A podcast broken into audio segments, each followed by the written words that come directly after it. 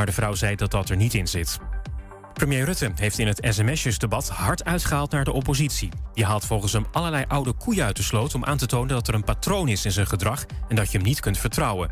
Rutte vindt dat vals. Hij zei verder dat hij intussen een nieuwe telefoon heeft en daardoor minder berichten hoeft te wissen. Nederland is tegen een Europees plan om meer arbeidsmigranten te halen uit landen als Marokko, Egypte en Tunesië. Minister van Gennep ziet dat niet als oplossing voor het personeelstekort, zei ze in een Kamerdebat.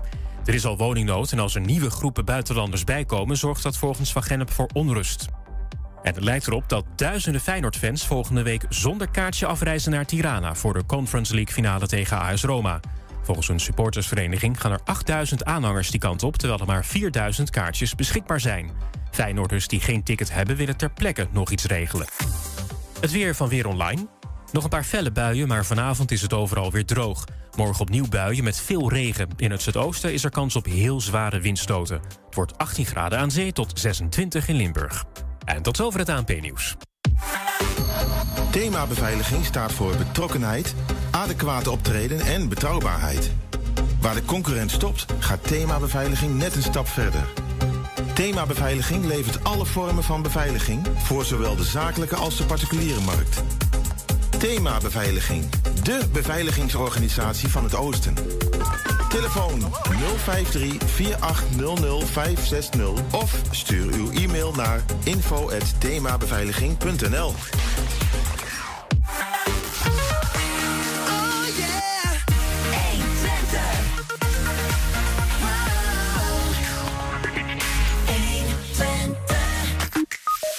Na ruim vier jaar zet musicalvereniging Music All uit Enschede weer een grote productie op de planken. In november staan ze in het Wilmingtheater met de musical Big Fish. Omwonenden van het Volkspark in Enschede zijn kritisch over de veranderplannen die de beheercommissie en de gemeente hebben gepresenteerd voor het park. Ja, ze hadden graag vooraf meer meegedacht. Een whiplash is niet te zien op scans van je hersenen. En hoe bewijs je dat je schade hebt als die niet zichtbaar is aan je lichaam? We vragen dat aan letselschadeadvocaat Lennart Mensonides. En een nieuwe editie van het Twents kwartierken met de winnares van de Twentse Talprijs. Het is donderdag 19 mei. Dit is 120 vandaag. 120. 120 vandaag. Ja, en uh, we zouden beginnen met de Mandy Plom. En volgens mij hebben we haar nu direct aan de lijn. Kijken we eventjes aan. En dat is helemaal goed. Ja, want de Hengeloze Mandy Blom dacht een maand geleden leuk uit te gaan met vrienden in de binnenstad van haar woonplaats. Maar die avond eindigde in een complete misère. De 19-jarige werd stiekem gedrogeerd met een injectienaald. Dat maakte ze bekend via dit TikTok-filmpje. We hebben een TikTok-filmpje daarvan. We kijken heel even, de productie aan. Uh, kunnen we dat TikTok-filmpje even laten zien bij deze?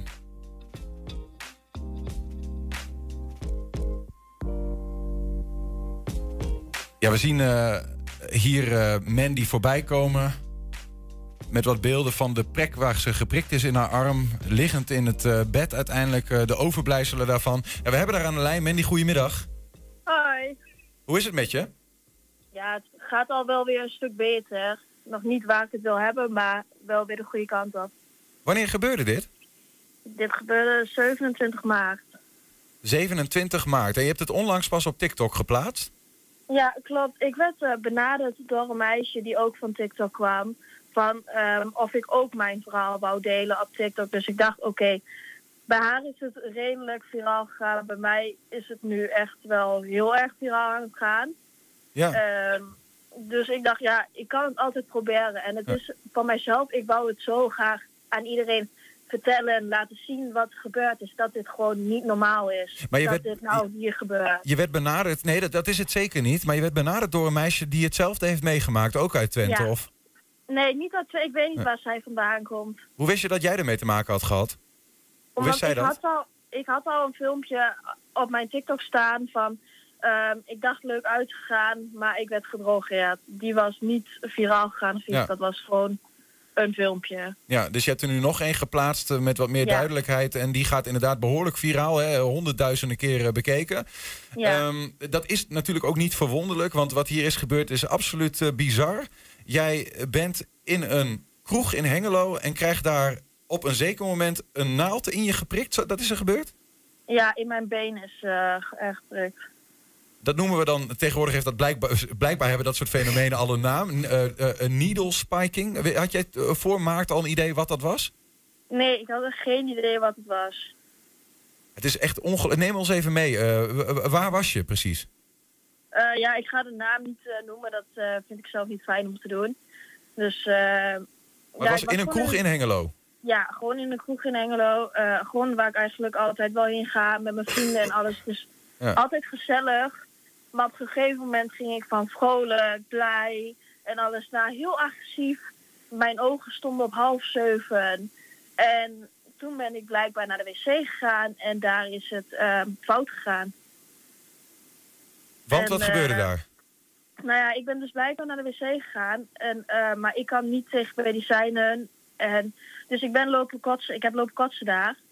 En vervolgens eh wou een vriendinnetje van mij wou mij aftillen, lukte niet. Dus ehm, vrienden van mij die kwamen eraan, die hebben mij eh, opgetild. Toen ben ik eh, daar op een kruk gezet. En ik moest even snel normaal gaan doen, want anders werd ik eruit gegooid. Want je deed niet normaal.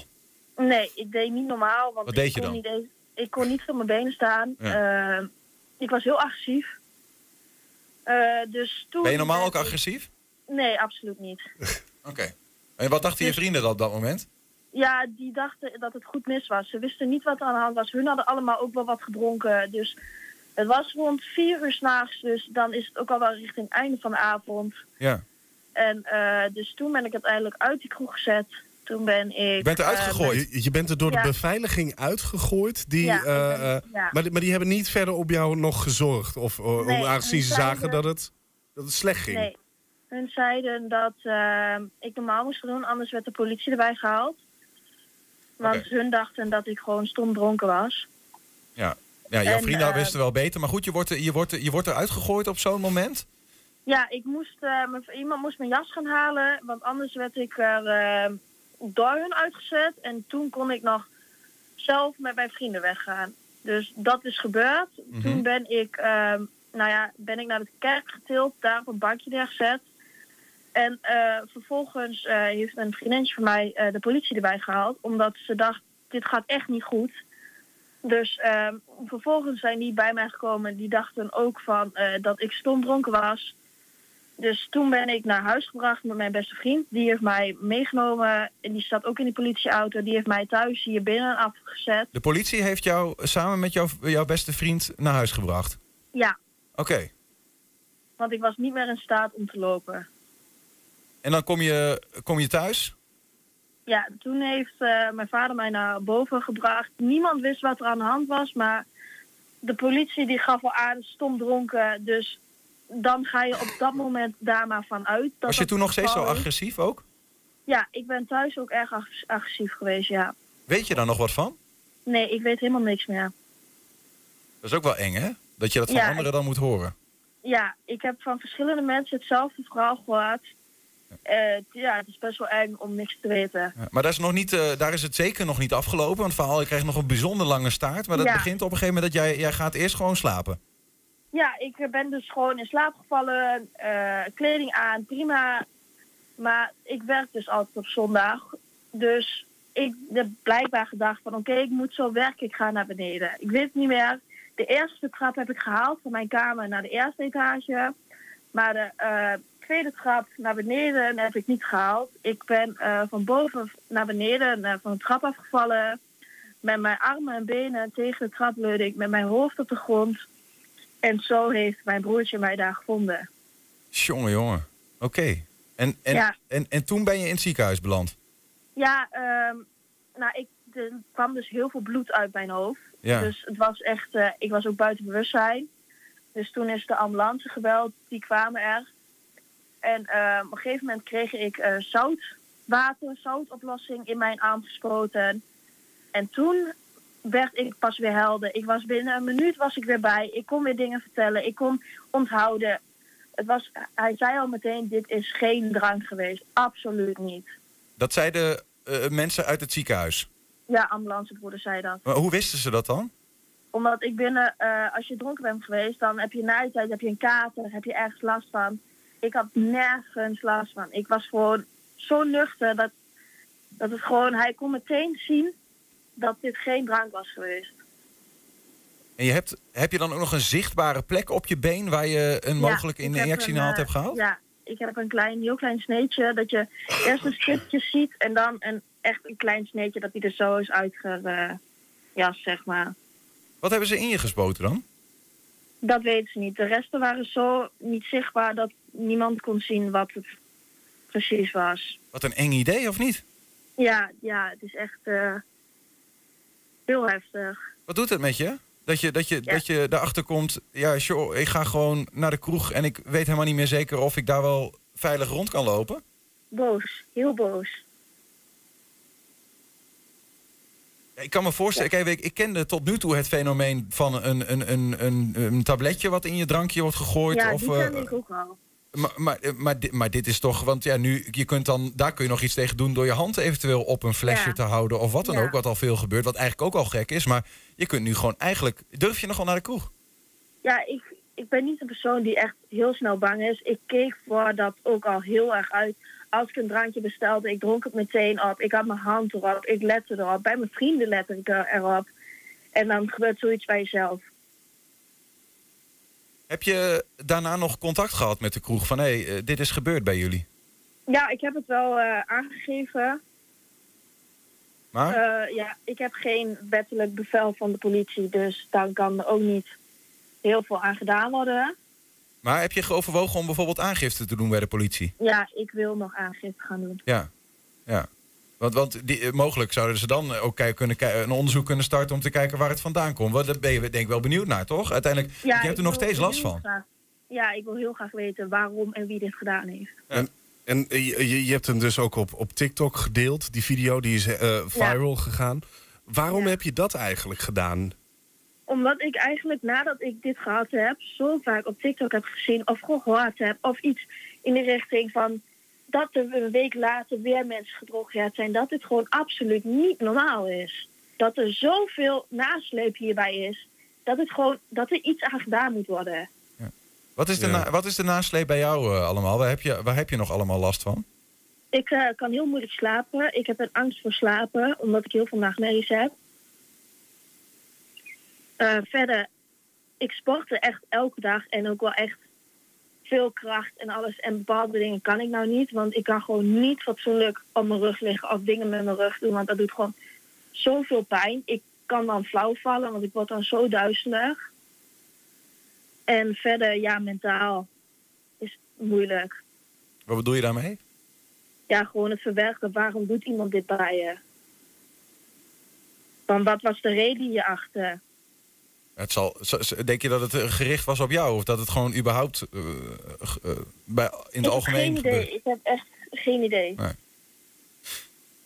Jongen, jongen, wat een verhaal zeg. Ik moet er even van Ja. bijkomen ook. Dat is wel, Ja. eh, wel- wel, bizar. En je, hoor je dit, nu je dit hebt gedeeld, hoor je dat ook van, mensen die, van andere mensen die in Hengelo wonen, dat dit gebeurd is eerder? Nou ja, er zijn wel eens mensen gedrogeerd, dat is dan meestal gewoon met een pilletje of zo in een drankje. Ja. Maar niet, ik heb het nog niet echt met een naald gehoord. Ja, ik, zit, ik ook te denken, als, als, een, als een, een normaal, als je, als, je een, als je een prik krijgt van een naald die onbekend is, eh, dan moet je eigenlijk ook allerlei onderzoeken doen om te kijken of er geen ehm, rare infecties aan die naald eh, eh, overgehouden ja, kunnen worden. Er is ook genoeg onderzoek gedaan. Ze hebben allerlei soorten testen gedaan van wat er nog meer kon zijn. Maar gelukkig was er verder niks Nee. Eh, iets. Heel even om dat scherp te krijgen, Mandy. eh, want je zei van ik noem liever niet de naam van de, van de kroeg waar het gebeurd is. Oh, in, in heel veel reacties bij de TikTok-post eh, zeggen mensen dat het gebeurd is in Fios. Maar dat zeg jij, Nee. dat is niet zo, hè? Nee, absoluut nee. Ik eh, kom daar ook niet meer. Dat was echt toen ik 16 was, kwam ik daar. Maar nu... Dat herken ik. nee. Nee, nee. Maar goed, dan is dat maar helder. Ehm, Ja. ehm, eh, eh, wat, eh, tot slot dan, Mandy, wat, wat moet er wat jou betreft... want je zegt, ik ga zelf nog, nog wel aangifte doen, dat overweeg je zeker. Ehm, wat, wat moet er gebeuren? Want ja, ik kan me voorstellen dat jij of mensen die dit nu weten denken van... ja, ik vind het niet meer relaxed om naar de kroeg te gaan. Er moet gewoon beter gecontroleerd worden. Gewoon, ja, ik weet niet hoe ze dit moeten gaan doen, maar dat dit überhaupt kan, dat zegt al genoeg. Ja, maar dan moeten ze dan iedereen eh, gaan fouilleren bij de deur... om te kijken of ze dat- injectienaalden bij zich hebben. Ja, dat is ook wel ver. Maar het is gewoon, ja, misschien meer beveiligers of misschien toch een keer in een tas kijken of iets in die richting. Ja, Ja.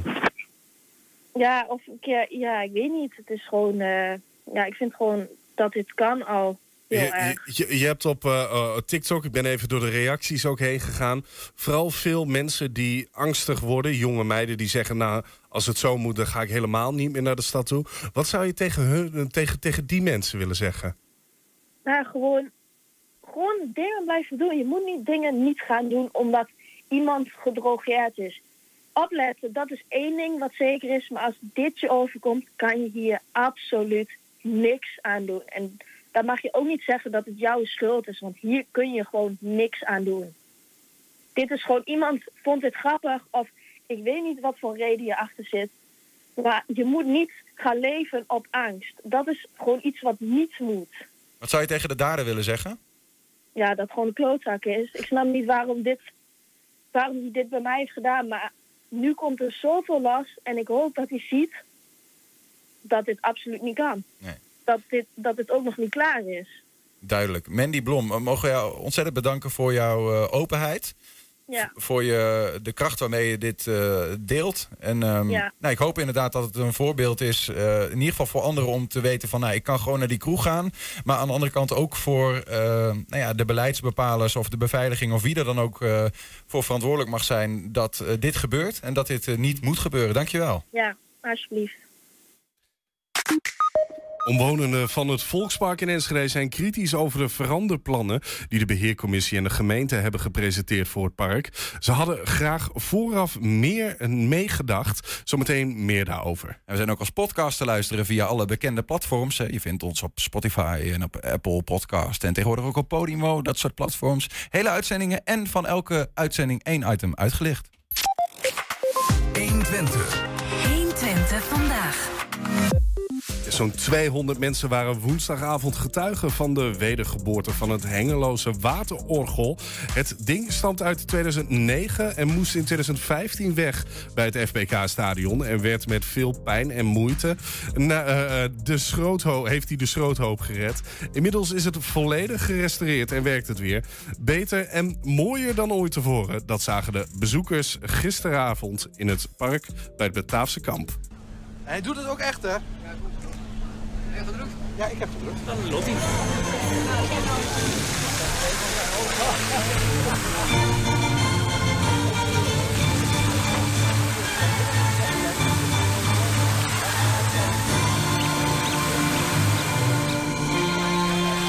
Sta je te genieten, eh, Benno? Ja, ja niet, van het waterorgel uiteraard, maar ook van de mensen hè, die, die allemaal genieten hier. Dat betekent wel dat je iets extra's toevoegt aan, eh, aan Hengelo en aan de inwoners van Hengelo. Hierna gaan we het nog een keer doen en dan is het echt donker. En als je het in het echt, als het donker is, als je het dan ziet, dat is een extra dimensie. Dat is nog, nog een keer zo mooi. Spectaculair. Ja, dat is een keer zo mooi. Ik had het nog nooit gezien, maar ik vond het eh, heel interessant. En mooi dat het eh, toch bewaard is gebleven. Vind ik eh, super. Ja, dat is voor eh, de hele stad, en voor de bewoners buiten de stad ook al. Het is toch heel bijzonder dat er zoiets in Hengelo aanwezig is. Waar mensen in de zomermaanden vooral van kunnen genieten. Had je dit eh, kunnen denken in 2015? Eh, nee, nou, we moesten weg, dus er was zoeken naar een plek. En eh, dat is uiteindelijk Bataafse kamp gewo- eh, geworden. Maar dan gaat het dus om hoe realiseer je dat en waar haal je geld vandaan. Nou dan hebben we zo'n werkgroepje hadden we daarvoor. En, eh, maar toen op een gegeven moment kon je wel zien dat er de ene een beetje uitblonk. Zeg maar. dat was, zo noem ik het maar even, was Benno, die de kar ging trekken. En dat was voor mij de zekerheid dat het zou gebeuren, dat er weer een, een gerenoveerde wateroven zou komen. Ik ben eh, student elektrotechniek op het ROC. En ik heb geholpen om eh, de pomp zeg maar, eh, aan te sluiten, onder andere. De technische gedeelte, zeg maar. Ja, het is natuurlijk eh, heel gaaf om te zien eh, dat je eraan meer hebt, hebt geholpen, zeg maar. Was het nog even spannend? eh? Ja, het was wel even spannend of het allemaal zal werken natuurlijk eh, in het begin. Maar eh, ja, het werkt eh, fantastisch. Je moet er ook niet de gewoonte van maken. Het moet natuurlijk wel iets spectaculairs blijven. Hè? Speciaals. Ja, het moet iets speciaals. Moet je kijken nou ook. Moet je zien dan allerlei, allerlei kleuren en toestand. En Matthijs Hummel, ja, dat is een gouden vent. Maar die maakt het allemaal, hè. Die stond vanmiddag nog in de vijver, want er deden negen lampen. Nou, vanavond nog net, begreep ik van jou. En vanmiddag en er deden negen lampen deden niet. Dus die heeft hij nog, al, die heeft hij nog kunnen herstellen. En dat is dus iemand die de kennis en de kunde heeft. En als je die niet hebt, nou, dan kun je mooie plan- plannen maken. Maar dan kom je nergens. Dus, en dat was heel belangrijk ook hier bij de, bij de realisatie van het waterorgel. Dat je met een heel netwerk van betrokken mensen te maken had. En dat is ook mooi hiervan. En het is vrijwilligerswerk. Maar je komt met zoveel mensen in contact en in aanraking, jong en oud. Die met heel veel plezier hier aan gewerkt hebben. En je voegt iets toe aan de stad. Hè? Dat is toch prachtig. Ja, straks na ruim vier jaar zet musicalvereniging Music All uit Enschede weer een grote productie op de planken. In november staan ze op de planken van het Wilming Theater met de musical Big Fish. 120. 120 vandaag. Omwonenden van het Volkspark in Enschede zijn kritisch over de veranderplannen die de beheercommissie en de gemeente hebben gepresenteerd voor het park. Ze hadden graag vooraf meer meegedacht. Laten we vooropstellen dat de visie een absolute verbetering is, zegt de omwonende Marco Strijks. Toch heeft hij ook geluiden van zo'n 100 van 600 buurtgenoten die niet altijd in lijn zijn met het voorliggende plan of op een andere manier van meerwaarde voor het park zouden kunnen zijn. Marco, goedemiddag. Goedemiddag. Ehm, je hebt uitkomsten van een enquête waaruit best wat interessante uitkomsten zijn gekomen. Dat straks, hè, even, dan gaan we horen van wat daarin staat. Misschien even die enquête die hebben jullie als omwonenden ehm, opgesteld en ingevuld. eh, omdat er eh, vorig jaar zomer eh, plannen zijn gepresenteerd. Onder meer hier bij ons in de studio. Dat is ook naar aanleiding van het 150-jarige bestaan van het Volkspark. Dat dit jaar is. Wanneer hoorde jij voor het eerst over de nieuwe plannen? Nou, wij worden als omwonende, eh, ik woon eh, in de Kleine Houtstraat, dat direct aan het park ligt. Ehm, en dan worden we één keer in de zoveel tijd door het bestuur van het Volkspark worden we uitgenodigd om even de ontwikkelingen rondom het park te horen. En als we zaken hebben en die voor het bestuur van belang zijn, dat we die ook even kunnen mededelen daar. En daar, eh, eigenlijk nadat het visiedocument er was, hoorde ik er zelf pas van wat, wat ja, het visiedocument inhield. Toen was het, de visie al gedeeld in, de, in de media bijvoorbeeld bij ons ook. Ja, klopt. En eh, wij merkten ook aan andere deelnemers eh, tijdens die bijeenkomst... Dat, eh, ehm, dat er veel meer omwonenden, het had natuurlijk ook aan mij kunnen liggen... veel meer omwonenden niet op de hoogte waren. Ja. En toen hebben we een eh, eh, ja, buurtcommissietje samengesteld... en we zijn we samen aan de slag gegaan. Ja. Nou is er in eh, februari 2020 wel een bijeenkomst geweest waar omwonenden bij waren, toch? Ja, er zijn wel vaker eh, eh, bijeenkomsten, elk kwartaal. Maar dan hebben we nu over een kleinere bijeenkomst... waar mensen echt specifiek zijn uitgenodigd. En dat is een bijeenkomst geweest bij de tennisbanen in het Volkspark. Ja. Ja, en daar waren ook mensen bij die, die wat verder weg woonden... en die eigenlijk niks met het, mark- met het park van doen hadden. Ja. Ehm, en dat vonden wij nog wel vreemd. La- laten we heel even kijken naar een totaaloverzicht. Eh, er zijn best wel wat ehm, verschillende specifieke dingen over te zeggen, komen we ook nog wel op. Maar dit is een plaatje wat we nu laten zien. Je ziet hem daar ook zelf, eh, Marco, waarin Yes. eh, nou ja, een beetje een totaaloverzicht van wat er met het park zou moeten gebeuren. Ehm, interessant is bijvoorbeeld dat ze de bomen gaan, willen gaan vervangen, zijn aan vervanging toe. Het grote veld op links wordt een soort van waterbassin. Ehm, er is een speciaal veld waar meer festivals zouden moeten komen. Ehm, maar bijvoorbeeld ook eh, dat er gesproken wordt over een eventueel fietspad eh, door het park heen. Ja. dat is onder meer iets waar wij in jullie, in jullie enquête over gesproken. Komen we zo nog op. Ehm, maar eh, wat dacht je eigenlijk zelf toen je de nieuwe plannen zag? Gewoon als omwonende. Als omwonende dacht ik wel van... het is het oudste park van Nederland. Hè? Daar zijn we ontzettend trots op. En ook dat het park gerenoveerd zou worden... en dat het één geheel zou worden, ja, vinden we fantastisch. Tenminste, ik vind dat ook fantastisch. Ja.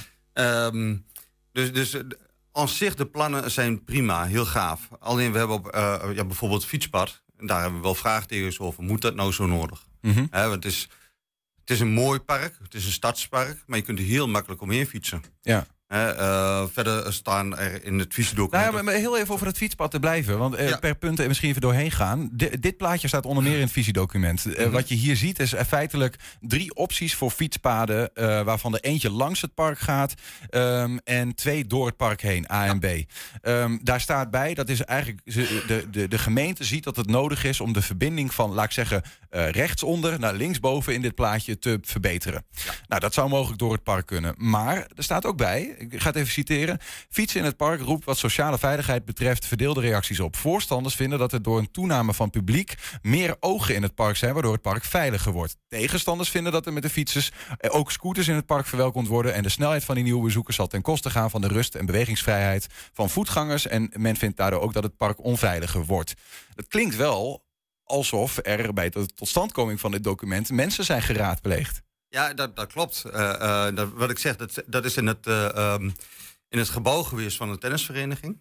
Ehm, maar de direct omwonenden, daar zijn er maar een enkele van geweest. Dat, dat is niet ja, te verwaarlozen, denk ik. Dus die mensen waar ze het over hebben, die, die dit Ja. vinden, ehm, dat is maar een klein clubje en wat jullie betreft te klein misschien. Veel te klein. Want in de, volgens mij was er zelfs niemand bij aanwezig van, van, de, van de Parkstraat. Het hele kleine doorlopende eh, straatje. Mhm. Ja, nou, eh, je kunt je ook voorstellen op het moment dat er eh, fietsen door het park gestimuleerd gaat worden, is dat doorlopende straatje wat zo pittoresk is. eh daar wordt ook veel drukker en dan is het ook minder leuk om daar weer aan te wonen. Ja. je ziet wel heel veel wandelaars daar. Ehm, maar ik kan me voorstellen dat omwonenden daar eh, eh, juist tegen het eh, fietsen zijn. Ja. Nou, la- laat ik, we komen zo echt op de specifieke uitkomst. Want je hebt een aantal nou ja, belangrijke of, of bijzondere uitkomsten op een rij gezet. Maar toch eerst even bij de fietspaden staat bijvoorbeeld ook in het document... gezien de discussies over het al dan niet fietsen in het park... zal nader onderzocht moeten worden of fietsen door het park een reële optie is. Ehm, d- dat klinkt ook alsof er nog niet per se definitieve keuzes eh, zijn gemaakt. Nee, gelukkig is het ook een visiedocument. Ja. Hè, de- dus alles in het visie, in het document is volgens het bestuur van het Volkspark ook nog bespreekbaar. Ah, en wij wouden eh, met de enquête die we hebben gedaan eh, onder de, de direct aanwonenden, maar ook bezoekers van het park, hebben we willen meten van wat is nou de, de, het sentiment rondom het visiedocument. Ja, zodat je daar later misschien nog, daar hoop je dus nog een, een toevoeging op te kunnen geven. En eh, nou, de, de, de relatie met het bestuur is, eh, is, is heel erg goed, moet ik zeggen. Ja. En het bestuur heeft nu ook gewoon cijfers als onderbouwing. Van, joh, volgens mij, dat fietsen moeten we gewoon niet doen. Moeten Nee. we ook gewoon niet willen. Laten we die erbij halen, want eh, de enquête is er geweest. Het is uitgezet eh, bij hol- eh, 600 omwonenden van het Volkspark. 100 hebben hem ingevuld, dat is behoorlijk wat. Ja. Ehm, en over het fietsen staat daar bijvoorbeeld het volgende. Ehm, een, een, een vraag in het visiedocument staat... er zijn plannen om met de fiets door het park te gaan. Is dat voor u wenselijk? Nou, heel duidelijk dat hier 79,1% zegt... nee, dat is niet wenselijk. Ja, klopt. Dus moeten we het ook volgens mij niet meer gaan doen. Ja, dat, is, dat is wat jou betreft, als, als er 100 omwonenden zeggen nee... dan moet het nee zijn. Ja, en eh, wat ik ook heel erg mooi vond, er zijn ook een aantal eh, jongeren van tussen de 15 en, eh, en 30 jaar volgens mij die er hebben ingevuld. Ik doe het even uit mijn hoofd, we hebben zoveel getalletjes hebben ge- geproduceerd. Maar eh, met name ook de jongeren eh, in die leeftijdscategorie die zeggen van joh, dat fietsen moeten we gewoon niet willen. Nee. Laten we doorgaan. Dus er is ook gevraagd naar een eventuele sanitaire eh, voorziening. Ja. Ehm, daar staat in het visiedocument wordt niet gesproken over een permanente sanitaire voorziening. Redenen die hiervoor gegeven worden zijn veiligheid en kosten, neem ik aan dat daar Ja, staat. Ehm, vindt u die voorziening desondanks wenselijk? En daarvan zegt het merendeel ja. Ja, eh, wij, wij merken gewoon. ehm, ik heb de vorige week, eh ieder geval twee weken terug, heb ik ook een paar dames uit de bosjes eh, gejaagd. Die, die, die, die sta- onder de ramen van de buren zaten te urineren.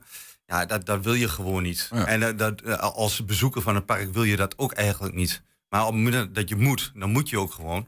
Dus ik snap ook wel dat ze het doen. Maar we hebben, ze hebben op dit moment geen alternatief. Dus er moet gewoon een goede voorziening komen om, eh, ja, om de natuurlijke behoeften te kunnen eh, blijven doen. ja. En als je dan kijkt naar dat punt wat ze aandragen, veiligheid en kosten. Ja, de, de, wij zien in het land, ik kom in heel veel parken ook in, in het land, eh, er zijn eh, over het algemeen wel heel veel voorzieningen te vinden, ook in het park. Daar is wel best wel een oplossing voor. Nou, we hebben nu Loetje als horeca. Ze willen nog een extra horeca-gelegenheid erin brengen. Ehm, ik denk dat daar een hele mooie combi, combi ook is te maken. Ja. Door naar het volgende. Dat gaat over een hondenuitlaatplek. Ehm, nou ja, hier staat feitelijk hè, van we, eh, dat, dat 73,1% zegt er moet een aparte hondenuitlaatplek komen. In het visiedocument wordt daar niet per se over gesproken. Klopt, klopt. En eh, eh, ik ben zelf geen hondenbezitter, dus ik probeer ook even. ik zit hier namens de omwonenden. Het is natuurlijk ook. ehm, die honden die kunnen dan even goed rennen. En naast dat de honden eh, even lekker hun energie kwijt kunnen, heeft het ook een sociale functie. Hè? De buren praten dan ook even weer met elkaar. Ja. Eh, ik, ik loop vaak door het park en juist bij die hondenuitlaatplek zie ik ze niet op hun mobiele telefoontjes kijken als ze de honden uitlaten. Maar dan zijn ze echt met elkaar aan het communiceren. Dus het heeft ook een hele sociale functie. Nu, nu wordt er gezegd ehm, eigenlijk van ja, dat is de verantwoordelijkheid voor de hondenbezitter. Die moeten ze en aanlijnen, die honden, niet die bezitters. En, eh, en als, als die honden hun behoefte doen, moeten ze die gewoon opruimen. En aan een eh, speciaal uitlaatveldje is dan niet per se nodig. Maar jij zegt, nou, het is niet alleen maar voor die honden, maar ook voor de bezitters. Sociale functie. En het is ook leuk om te zien hoor, die honden zien te rennen. Um, een ander punt, wat denk, ik, wat denk ik best wel, volgens mij is dat een van de punten die het meeste stof heeft doen opwaaien. Dat is eh, de dieren. Daar wil ik even naartoe. Uh, 75% uit, uh, van die enquête-respondenten die zeggen... we willen dat de dieren blijven. Um, maar in het visiedocument staat heel duidelijk... dat het volière weggaat. Ja, en uh, gelukkig is daar ook nog geen definitieve beslissing over genomen. En wat we ook zien is dat... een aantal personen ook best wel zelf als vrijwilliger iets zou, zouden willen doen in het park. Uh, die dieren die hebben een aantrekkingskracht. Uh, vooral uh, mensen met kinderen. De speeltuin die zit er vlakbij. Mm -hmm. Het is gewoon ontzettend fijn om daar heel even te zijn. Even naar de, de beestjes te kijken. En, en dan vervolgens weer het pad te vervolgen door het mooie volkspark. Ja, ja het is wel echt een, een, een, hoe zeg je dat, een landmark bijna bij het volkspark. Hè? Dus het, en het zou door het zonde zijn als dat weg zou gaan. Ja. Tegelijkertijd is zo die ruimte misschien wel weer nodig voor het eventueel organiseren van uh, festivals. Uh, jullie uh, omwonenden zeggen we willen dat meer, blijkt ook uit die uitkomsten. Ja, Overigens zegt volgens mij de beheercommissie dat ook. ja, dus nee, dat dus daarin, op inlijn. Het is ook niet allemaal tegengesteld, maar eigenlijk feitelijk, misschien om, om daarmee een beetje naar een afronding te werken, zeggen jullie van uh, we, dit geluid, als je dit nou meeneemt, dan steunt dat misschien wel de plannen en kan het ze aanscherpen waar nodig. Er zijn heel veel mooie ook ideeën aangedragen. Er zijn ook, uh, wat ik heel erg uh, fijn vind, is ook dat een aantal omwonenden hebben gezegd van ik wil best een actieve rol spelen in het ja, 26 van de 100 respondenten zijn Ja, dat. dat is echt een actieve, met 73,8 die, die procent zegt ook van ook wel een andere soort rol. Um, de, dus er is heel veel verbondenheid met het park. Mm -hmm. En daar kunnen we ook, denk ik, veel meer uitnutten. En als we dat nu samen met het bestuur van het Volkspark op kunnen pakken, dan denk ik dat het mooi, uh, het oudste park van het uh, Park van Nederland ook het mooiste park van Nederland uh, kan worden. En, en Staan ze daarvoor open, het bestuur? Want ik neem aan, je hebt ze gesproken. Ja, ze staan echt open voor suggesties. Ja. En, en, ik kan me ook voorstellen als bestuur zijn dat je af en toe worstelt met van, dit is onze visie. Dit zijn onze ideeën, maar we hebben ook met de omwonenden te maken. Hoe pakken we dit nu aan? Nou, en wij hebben nu een instrument gegeven waarbij ze, uh, waar ze ja. gebruik van kunnen maken. En je hebt hier gezeten, dus uh, nou ja, ze kunnen er in ieder geval niet meer omheen. En dan eens kijken wat, uh, wat de beheerscommissie ja. gaat doen. Ik ben benieuwd. In ieder geval voor ons allen hoop ik op naar een mooi volkspark dat nog eens 150 jaar meegaat. Hey, ik hoop op een hele mooie zomer met heel veel mensen in het park. Met heel veel ook festiviteiten en heel veel zon. Marco Strijks, dankjewel. Bedankt. Zometeen een whiplash is niet te zien op scans van je hersenen. En hoe bewijs je dat je schade hebt als die niet zichtbaar is aan je lichaam? Ja, we vragen het aan letselschadeadvocaat Lennart Mensonides. 120. 120 vandaag. Na ruim vier jaar zet musical, uh, musicalvereniging Music All uit Enschede weer een grote productie op de planken. In november staan ze in het Wilming Theater met de musical Big Fish. Maar voordat het zover is, moet er nog veel gebeuren. Gisteravond was de feestelijke kick-off. Kom maar, kom maar dichterbij, dichterbij, dichterbij. Dames en heren, hooggeëerd publiek. Vandaag zijn wij allen bijeengekomen om Big Fish te vieren. En ik wil u graag uitnodigen in het circus van Big Fish. We hebben vandaag de kick-off van Big Fish. Uh, dat is de productie die wij in november gaan doen. En dan hebben we altijd een feestelijke opening. En dat is wat we vanavond hebben. Bart, nieuwe regisseur. Heb je zin in dit uh, nieuwe stuk? Ja, heel erg.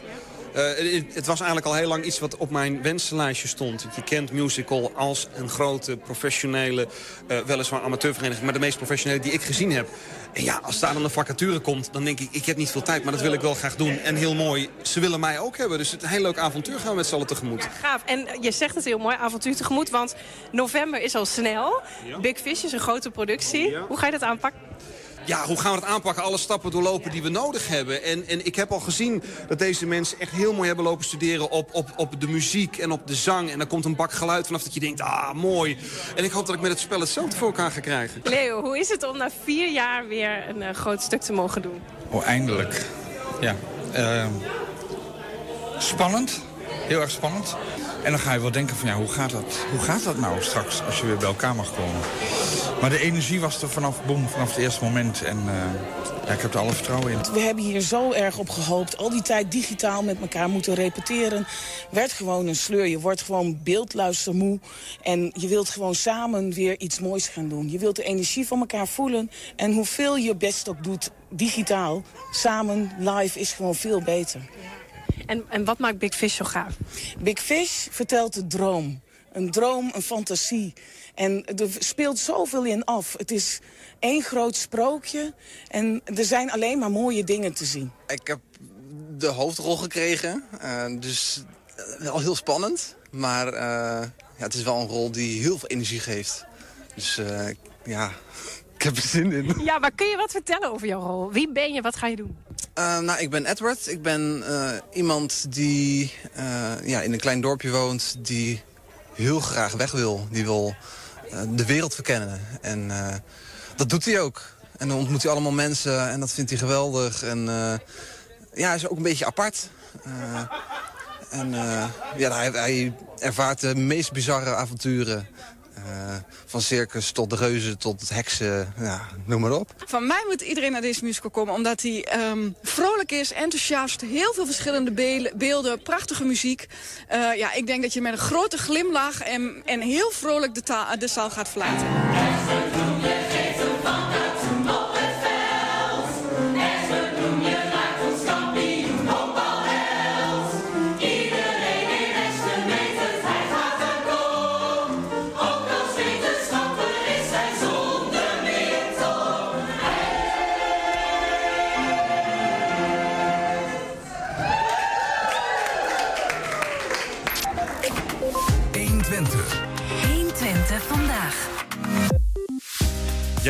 Met je auto over de Singel in Enschede. Het stoplicht bij de kruising met de Deurdingenstraat gaat op rood. Je remt af, maar als je in de binnenspiegel kijkt... krijg je de schrik van je leven. Een andere auto komt met grote vaart op je af.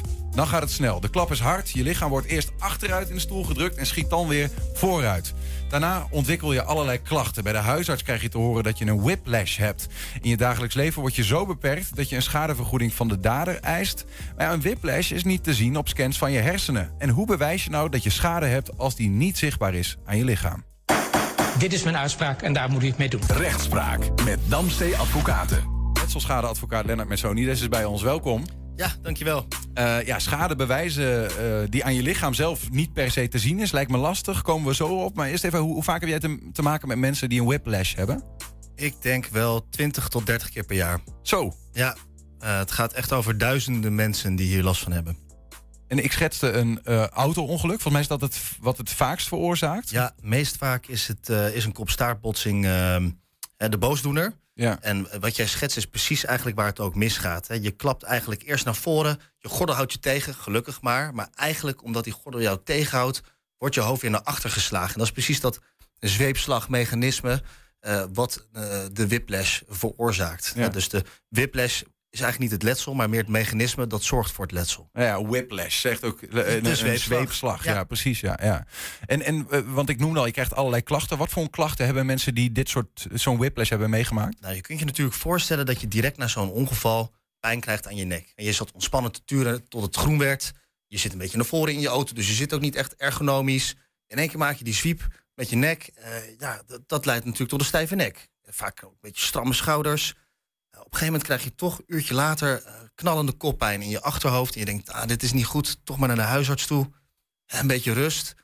Eh, vervolgens word je duizelig, je wordt misselijk, je raakt vergeetachtig, je krijgt concentratieproblemen. Je armen en benen kunnen gaan tintelen. Ehm, je kunt slecht zicht, hè, wazig zien, hoor je ook wel eens. Dus het is echt een breed scala aan klachten wat je kunt ontwikkelen. En ja, dat is zowel fysiek als ja, psychisch, om het maar zo te zeggen. Ja, want dat- is eh, een interessant punt als het gaat om een whiplash. Het is eh, niet aantoonbaar op een hersenscan. Dat maakt ook wel dat er wat soort van dat er soms wat twijfel omheen hangt. Ja, ik, ik, ik denk dat die twijfel ook wel eh, begrijpelijk is. Het is natuurlijk lastig als jij eh, een bekende hebt in jouw omgeving. Ik noem maar even, je broer overkomt dit. Nou, jouw broer is kerngezond, eh, fitness twee keer per week, eh, werkt 40 uur in de week, nooit niet ziek, nooit niet verkouden, pe- perensterk. En in één keer ja, ligt hij met een dekentje en, eh, op de bank met de gordijnen dicht, omdat hij niet meer tegen licht kan. eh, volledig arbeidsongeschikt. Dat is natuurlijk lastig te bevatten voor iemand. Hè? Dus, dus er hangt En dan zou je toch juist denken van, oh, hier is daadwerkelijk wat aan de hand. Maar bij whiplash is er ook een soort van, ja, het is onaangetoond. Dus ja, wat is het nou eigenlijk echt? We kunnen het niet vastpakken. ik, ik denk, eh, even terugkomend op dat medische aspect, ik denk dat dat ook wel soms zorgt voor ja, onnodige discussie, om het maar zo te zeggen. Kijk, dat op een MRI of een CT eh, of een röntgen, dat daar niets te zien is, wil natuurlijk niet zeggen dat er geen letsel is. En ik denk dat je uiteindelijk, en moet je dat statistisch benaderen.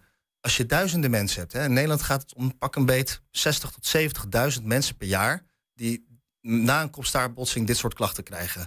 Dan kan je er eigenlijk statistisch gezien niet omheen dat dat ook de oorzaak is van die klachten. Dus ondanks dat je niks kan zien, kan je wel vaststellen van goh, iemand krijgt deze klachten kennelijk ja, na dit incident. Ja. En dan is het er dus ook.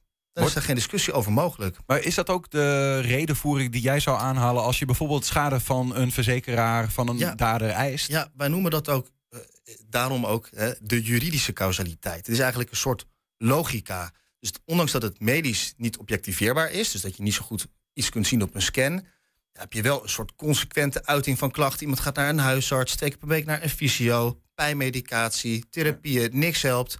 Ja, als iemand voor het ongeval nooit niet naar een fysio ging, ja, dan kan het toch niet anders zijn dan dat dit ongeval die klachten veroorzaakt heeft. En dat is precies de redenering die wij aanhouden tegenover ja, de wederpartij. En die is eh, houdbaar. Dat, dat levert soms gewoon schadevergoeding Dat is op. hoe wij dit doen. Ja, Ja. dat is uiteindelijk de kernredenatie om dit voor elkaar te krijgen. Maar er komt bij mij meteen ook toch wel een beetje de fraudeur in mij komt dan op. Hè? Stel nou dat ik, ik weet dit. Ehm, en ik heb een ongeluk gehad. Ik heb in principe geen klachten, maar ik weet wel van nou, die whiplash is toch niet aantoonbaar. Ik weet wel wat de klachten zijn. Nou, ik ga dat instuderen.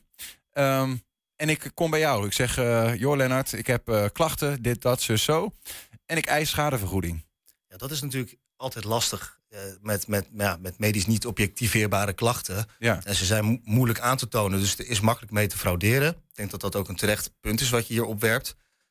Het is alleen niet echt plausibel dat je nou, het scala aan klachten wat ik net heb geschetst, dat je dat fijnst. Je moet wel een heel goed acteur zijn om dat vol te houden. Plus, je moet natuurlijk ook wel serieus naar een dokter toe. Hè? Je kunt niet alleen maar roepen dat je klachten hebt en niet in therapie gaan. Dus dan moet je dus consequent naar de huisarts toe, naar de fysiotherapeut, naar de neuroloog. Dan moet je dat ook kunnen aantonen. Dat moet je aantonen dat je daar Ja. geweest bent. Want anders zegt de verzekeraar ook tegen jou... Nou, goed dat je die klachten hebt, maar waarom ben je niet naar de fysiotherapeut gegaan? Hè? Heb jij dan wel echt last van, je, van die klachten? Ja, ja. Gebeurt het wel eens? Ik denk het wel. Eh, er zijn denk ik wel collega's eh, ja, die soms bedonderd worden. Maar ik denk dat uiteindelijk de fraudeur wel door de mand valt. En want als je dit heel lang wil volhouden... Nou, knap staaltje acteerwerk natuurlijk. eh, maar uiteindelijk zal een verzekeraar toch zeggen van... "Ah, we vertrouwen dit niet helemaal. Laten we nog eens echt goed gaan kijken naar jouw klachten. En dan moet je dus voor de bel bij een neuroloog of een psychiater. Dat is een heel intensief onderzoek van ruim een uur. Ja, en, en, en daar worden ook wel hè, trucjes uitgehaald om te kijken of, nou ja, hoe jij respondeert op een bepaald antwoord, of dat ook wel overeenkomt met hoe dat zou moeten zijn. Hoe vrijgevig zijn verzekeraars in dit soort eh, gevallen? Zijn, zijn ze daar moeilijker dan met... Want bijvoorbeeld een botbreuk in je been kun je heel duidelijk zien. Ik kan me voorstellen dat een verzekeraar bij onzichtbare schade iets moeilijker doet. Eh, dat hangt heel erg vanaf wie je treft. Eh, er zijn verzekeraars die, nou ja, laat ik beginnen bij het begin. Als iemand een ongeval heeft gehad en je meldt je bij de wederpartij hè, met, goh, u, heeft mij schade berokkend, laten we gaan kijken hoe we dit kunnen oplossen. Dan ga je daar langs. Hè. Dat is eigenlijk het beste om te kijken hoe het met iemand gaat. En een goed verzekeraar pakt dat snel op, stuurt ook snel iemand van de buitendienst, noemen wij dat, een schaderegelaar, langs om te kijken hoe het met jou gaat. En die komt je ook niet eh, onderzoeken of jij wel liegt of niet. Die komt gewoon kijken, wie ben jij, wat is met je aan de hand, wat kunnen we voor je doen, hoe kunnen we het oplossen. Ik denk dat het ook zo zou moeten zijn. Je hebt hetzelfde belang. Je wil, ik wil dat, mijn cliënt wil dat, maar ook Ja. de verzekeraar, je wil die schade oplossen. Ja. Ehm, een goed verzekeraar, die ziet dan wat er aan de hand is. Als die, die nou ja, hè, terugkomend op die broer van jou met een dekentje en de ramen dicht op de bank ziet liggen, dan denkt hij ook, dit is echt goed mis. We moeten echt gaan kijken of we misschien nou ja, niet een traject kunnen bedenken met een psycholoog en een revalidatiearts. Die denkt met je mee. Bijna zijn- afgezien van de oorzaak, zeg maar. Van, Los van de oorzaak, Ja, want je ja. wil het toch oplossen. Ja. Maar er zijn natuurlijk ook verzekeraars die komen pas veel later in beeld. Dan komt het traject pas na maanden op gang. Die komen bij iemand thuis die denken: ja, wat heb ik nou weer aan mijn fiets? Die hebben geen zin om uit te betalen. Hè, Dat is ook wel eens een belang van een verzekeraar. Zo min mogelijk uitkeren, zoveel mogelijk premie vangen. Mhm. Ehm, kijk, zo is het niet altijd, maar ja, dat gaat helaas ook vaak fout. Dat Wat, merk je wel. Wat, wat, wat jij zegt ook, het is mijn belang dat het opgelost wordt. Is dat wat jij als advocaat, ben jij puur bezig met een schadevergoeding? Of, of is dat eh, wat jij doet eigenlijk veel meer dan dat? Ja, ik denk dat de schadevergoeding komt eigenlijk pas in de start van het traject. Ik denk dat als eh letselschadeadvocaat ben je eigenlijk alleen maar bezig met hoe krijg ik iemand nou weer eh, in die situatie waarin hij of zij was aan de periode vlak voor het ongeval. Dus stel jij gaat op je fiets naar werk en jij wordt aangereden onderweg, dan is het aan mij de taak om jou exact weer zo te proberen te krijgen als dat jij was voordat je naar je werk ging. En dat lukt niet altijd. Eh, maar, maar dat kan betekenen dat ik ga met je meedenken over of je naar een bepaald traject kan, een revalidatietraject. Ik denk met je mee over fysiotherapie en andere therapie. Ik kijk met alle medische informatie mee. Ben jij dan maatschappelijk werker dan ook? Eh, soms wel. Ja. Ja. ik ben eigenlijk ook helemaal niet juridisch bezig. Het is meer een soort sociaal-maatschappelijk werk Ja, ja. wat ik af en toe doe. Ik help mee denken in de huishouding. Ik praat met je werkgever over het reïntegratietraject. Als je niet meer kunt doen wat je voorheen deed, bijvoorbeeld je benen het niet meer doen, gaan we kijken of we een andere baan voor je kunnen vinden. We zijn echt serieus bezig met het oplossen van jouw probleem, om, zodat je weer verder kan. Heb je wat algemene oplossingen tot slot van dit gesprek? Stel, iemand heeft die klachten, heeft misschien wel een whiplash gehad. Van wat, wat, wat zijn nou de is het laaghangend fruit? Nou, laaghangend fruit is eh, ja, een beetje een dooddoener, maar ga gelijk naar de huisarts toe. Eh, ook al zegt een huisarts vaak van neem even een weekje rust, doe even rustig aan. Bepaal dat nou niet voor jezelf, want als je stel dat je niet gelijk klachten krijgt. En je hebt je nog niet gemeld bij je huisarts met dat je een auto-ongeluk hebt. En je gaat pas één of twee weken later een keer naar de huisarts van... Goh, ik heb nog steeds last van mijn nek, ik weet niet, kom er maar niet vanaf. Dan zegt een verzekeraar op een gegeven moment tegen jou... juist net zo even een lastige verzekeraar die die discussie Waarom met ben je dan niet eerder gegaan? Kennelijk had jij geen last van je nek de Ja. eerste twee weken. Dus ja, er kan van alles met jou zijn gebeurd. Dus meld je gelijk bij de huisarts, dan staat het vast. Ook al zegt hij dat je rust eh, neemt.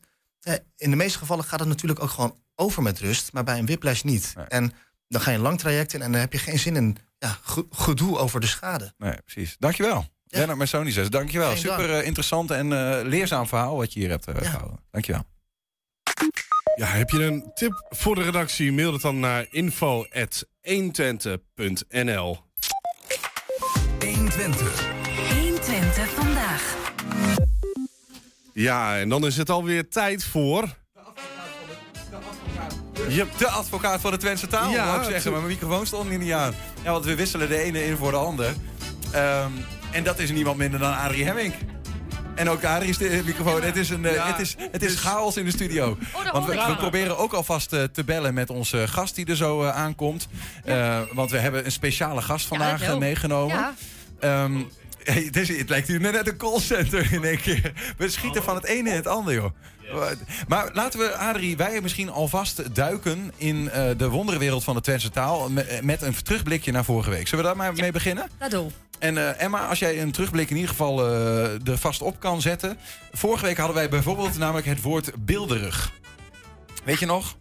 Wilderig, dat was nerveus. Zeker? Ja, ja Wat hebben we nog meer? Eh, dat wat was het ook alweer? Receiver, ja, rekenwerk. Mhm. Ja, dat was het. En dan hadden we eh meer sprokig. Ja, dat was meer talig. Eigenlijk was het niet zo moeilijk veel gewerkt. Of? En pierig nog, hè, het woord van de week. Ja, een beetje pips zien. hè. Pips zien. Ja. ik dacht eh, iets met glad of wat was naar aanleiding van een Ja, pier, maar dat bleek niet. Ja, maar dat, dat hoop ik ook, hè, dat je op het verkeerde been... eh, Ja, nee, dat snap ik. Ja. Zometeen gaan we weer eh, nieuwe Twentse woorden van je leren. Ja. In een Twentse taalquiz. En die, die hang je altijd op aan een thema. Nou, Zeker. eh, eh, voor het thema hebben we vandaag iemand aan de lijn. Voordat we ik ga verklappen wie dat is. Maar dat is degene die morgen de Twentse Taalprijs 2022 gaat krijgen. Eh, wat is dat precies, Adrie? Nou, de Twentse taalprijs wordt eigenlijk uitgereikt aan iemand die nou, heel veel moeite heeft gedaan om de spraak in ere te houden en om die oor te dringen. Dus iemand die er onmiddellijk veel tijd in heeft stukken. Nou, dat heeft zij nogal gedaan. Zeker. Jarenlang is ze namelijk bezig geweest met de Twentse taal. Ze was directrice van het Van Dijns Instituut. Presentatrice bij RTVO. Schreef het kookboek, kookboek Stip in de Pan. De Twentse keuken vroeger en nu. Daarnaast is ze ook actief voor de Krink voor de Twentse Spraak. En ze speelde in 2020 in de Kaskraker. De beentjes van Sint Hildegard met Herman Vinkers.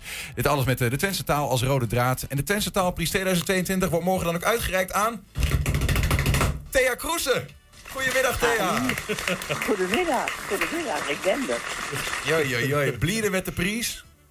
Ja, ik ben har- hartstikke blij met de prijs. Het was eh, ja, ik, een verrassing, gewoon omdat ik bij mezelf... Ik, ik mag dialect praten, toch, hè? Ja, nou, ik dacht al, eh, eh, eh, Thea aan de, Thea aan de telefoon nemen, dan vast het dialect praten. Ik ga Maar proberen te we- volgen. We worden nu echt gekwist. Want Ja. nu, als we nu het fout... Dit is de mondeling examen. Ja, ja, ja, ja, maar dit is ook de master van, eh, van de Twents, hè? Ja, Dat, ja. Ga je gang, Thea. En als ik je echt niet meer begrijp, zal ik wel een keer koekoe roepen. Ja, is goed. En anders vraag maar aan Adrie, die weet het ook wel. Nee, het is... ehm, ja, ik, ik was eh onmiddellijk verrast. Ik, ben, ik heb eigenlijk zelf nooit zo erbij stilstaan dat ik hem zelf ook zo kon krijgen. Terwijl ik aan, aan de basis gestaan heb, toen werkte ik nog van het Instituut. En toen was het eigenlijk een, een prijs geïnitieerd door de Twentse Courant Tubantia. Dat is nog zo.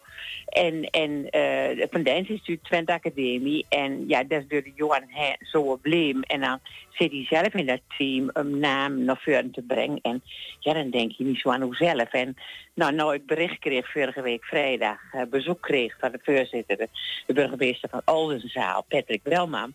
Nou ja, hè, toen de belde dat er kwam, toen ging er wel een lampje bij mij ik zeggen. Maar eh, ja, leuk, leuk, leuk. Wat betekent dat voor je dan? Is dat, ik, ik moet in het Twents proberen. Wat betekent dat voor Roeda? Dat je daar echt een erkenning hebt gekregen? Nou, wat het voor mij betekent is dat er in deze tijd een heleboel mensen bent die met andere ogen kijkt naar streektaal. En dat hebben wij met elkaar, met een hele groep mensen eh, bereikt. Ik bedoel, ik, ik was doorheen ook een schakel, maar ik had mensen naast mij als Herman Vinkers, als Anne van der Meijden, als Adriaan Buter, als Ben Thuis. En dat waren allemaal grootheden eh, op het gebied van streektaal. Daar heb ik zo onmiddellijk veel van geleerd. En Maar hoe kijk je er nu naar dan? Hoe, eh, hoe kijk je, hoe keek je de, de vroeger of vroeger net naar en hoe kijk je er nu naar? Nou, vroeger keek toen ik begon, eh, in, in min in de 94, eh, die tijd met streektaal, toen was het nog heel vaak zo, als er iemand kwam vertellen in streektaal of zingen, dan was dat klederdraag, een rode strakdoek, een kiel, nou, vreselijk. En wij hadden zoiets, ja, maar onze streektaal is veel meer dan folklore. Onze streektaal zegt iets over hoe we hier in elkaar zitten. Over de identiteit. En dat het Fries over de Friesen en het Zeeuws over de Zeeuw. Dat is niet eh, uniek voor, voor onze streektaal. Dat is gewoon... Ja, als ik u nou vraag, hè, wat is ouder? Nederlands of streektaal? Wat zei je dan? Oeh, dat is een goede vraag. De Neder-Saxisch komt hier vandaan, denk ik. En dat klinkt wel old, dus ik denk Neder-Saxisch. Ja, maar, maar als ik op school gastlessen geef, denk leerlingen allemaal, Nederlands was er en dat dialect, ach, dat is een minderwaardige variant. Ja, is er van afgeleid. Ja, ja, ja. Ja, ja. En, en het, dan kan je nog, dat pas, ik geloof, eh, 1823 of zo, kwam pas de eerste Nederlandse spelling van Siggebeek. Terwijl eh, met de Republiek de Zeven Verenigde Nederlanden en na de 80-jarige oorlog, toen moest er een landstaal komen. En door de synode van Dordrecht is de taal van Dordrecht eigenlijk de basis van ons algemeen beschaafd Nederlands te worden. Maar ons dialect is veel ouder. En die, die wa- dat was er al. Kun je een voor, voorbeeld geven daarvan eh, van hoe de Twentse taal, zeg maar, de, de, de Twentenaar eh omschrijft? Eh, wa- wa- Wat voor woorden wie daar gebruiken, wat, wat onze cultuur eigenlijk duidt? Ja, wat onze cultuur, dat, eh, het is meer uit de zinnen duidt onze cultuur. Als ik bijvoorbeeld zeg van, als ik kook en iemand vindt het lekker die mijn gast is, hè, en dan zegt nou Thea, in Nederland, je hebt lekker gekookt. Maar een Twent, als ik die dan aankijk en zeg, nou heb je smaak, nou Thea, ik moet zeggen, ik kon het wel binnen nou. en hij heeft niks met uw kookkunst te maken. Nee. En, en er is ook zo in, in, eh, ja, in verdrietige omstandigheden. Ik herinner me nog, een jaar of acht, negen terug, en mijn buurman kwam te overlijden. En ik stond samen met haar eh, bij hem in de slaapkamer, waar er opgebaard was. En toen zei ik zo tegen haar, goh, wat jammer nou toch. En toen zegt ze, ja Thea, de aan. Hij leupt me ook nog niks in de weg. Kijk, eh, het klinkt grof, maar het is heel warm en dichterbij.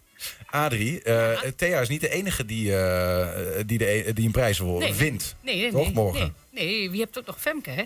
Wat, wat, Oh, waarom heeft zij gewonnen? Femke Nijboer, dan heeft de eh aanmoedigingsprijs hun. En dat is voor eh, de bijzondere wijze waarop ze eh, de streektaal inzet in hun werk.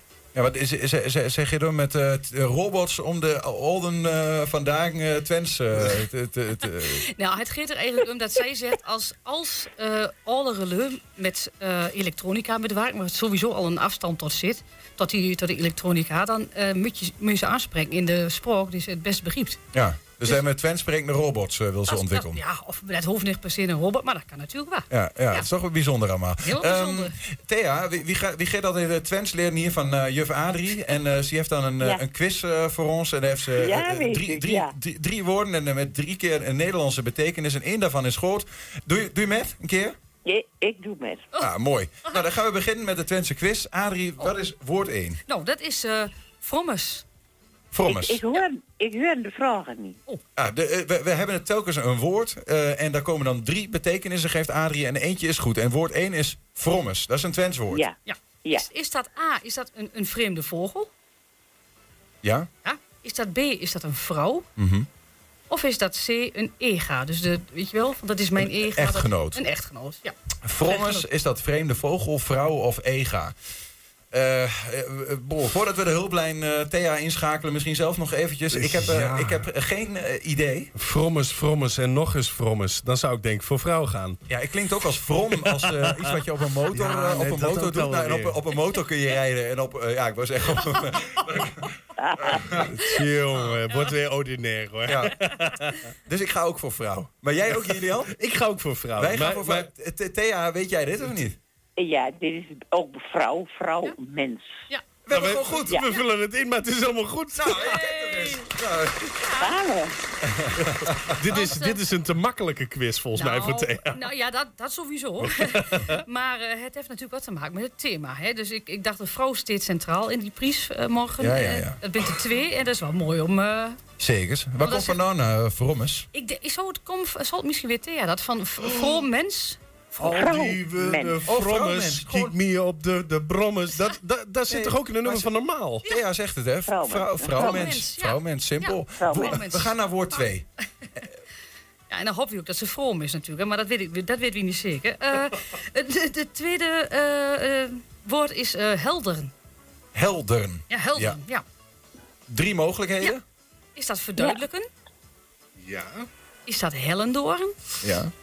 Of is dat eh, uitblinken? Helderen. Is dat Ja. verduidelijken, hellendoorn of uitblinken? En Dit klinkt voor mij wel een beetje als ophelderen.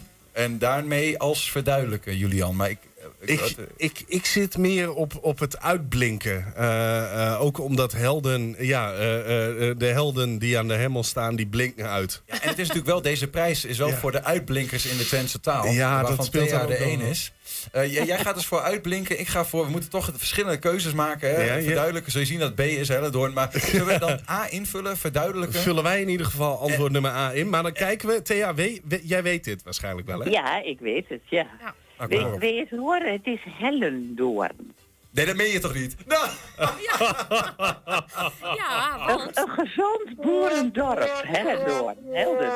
wat heeft Hellendoorn met die prijs te maken? Nou, Femke komt uit Hellendoorn. Ah. Kijk, die hebt, die hebt gewoon...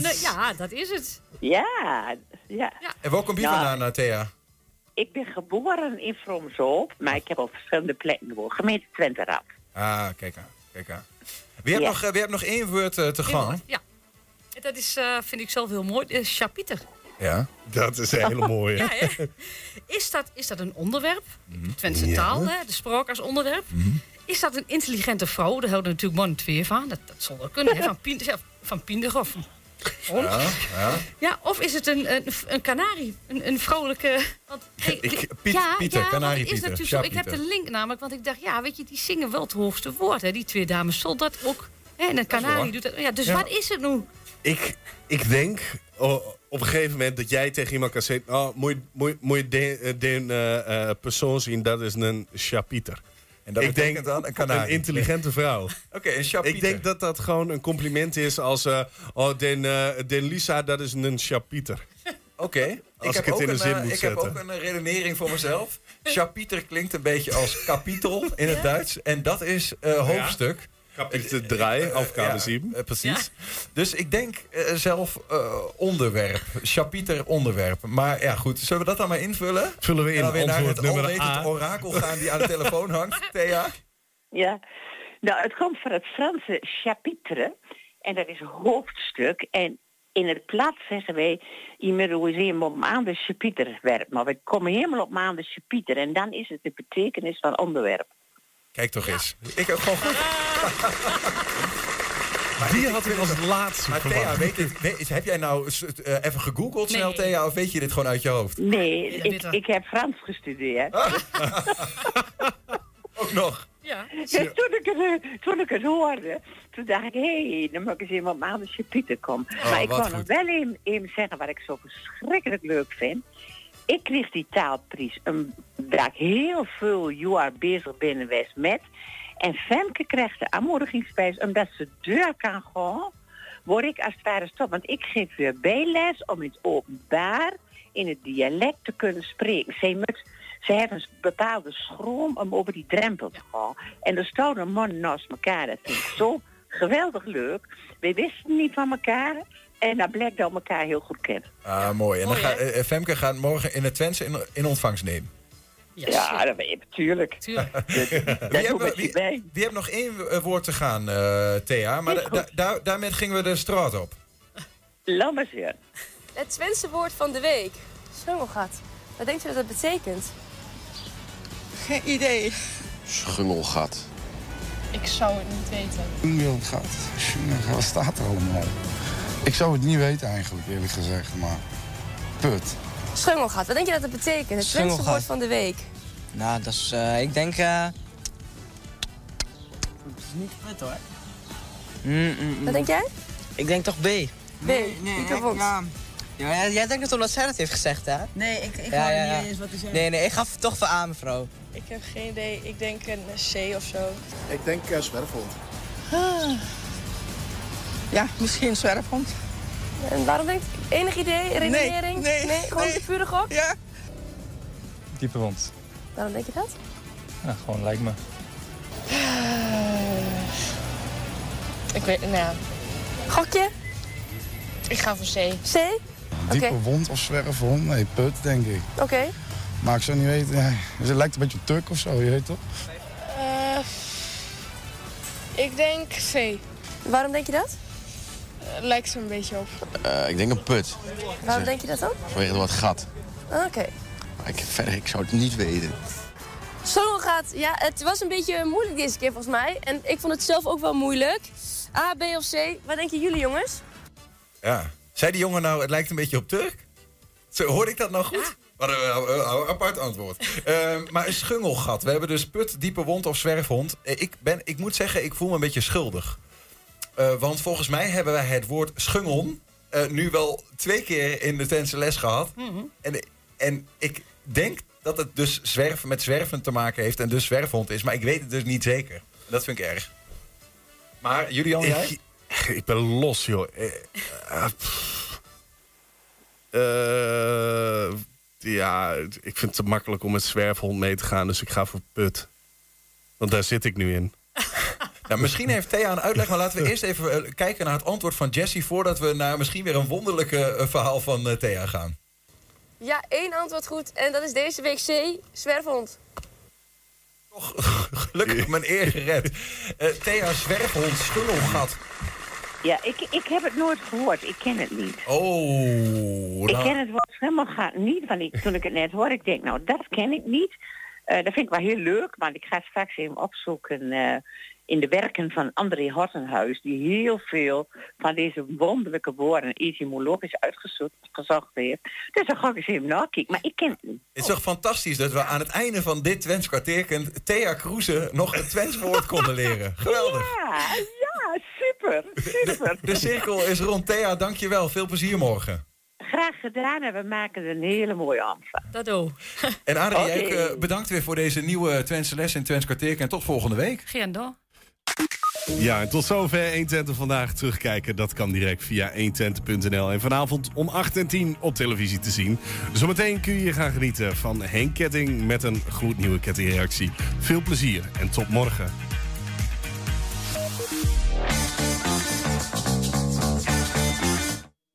Twente. Weet wat er speelt in Twente. Met nu het nieuws van 5 uur. Goedemiddag, ik ben Michiel Frazenstorm. Het sms-debat met premier Rutte is afgelopen... omdat hij ook nog andere dingen te doen heeft vandaag. Zo heeft hij straks een ontmoeting met de Duitse bondskanselier Scholz. De Kamer komt zo nog terug om te stemmen over een motie van wantrouwen van de PVV. Geert Wilders haalt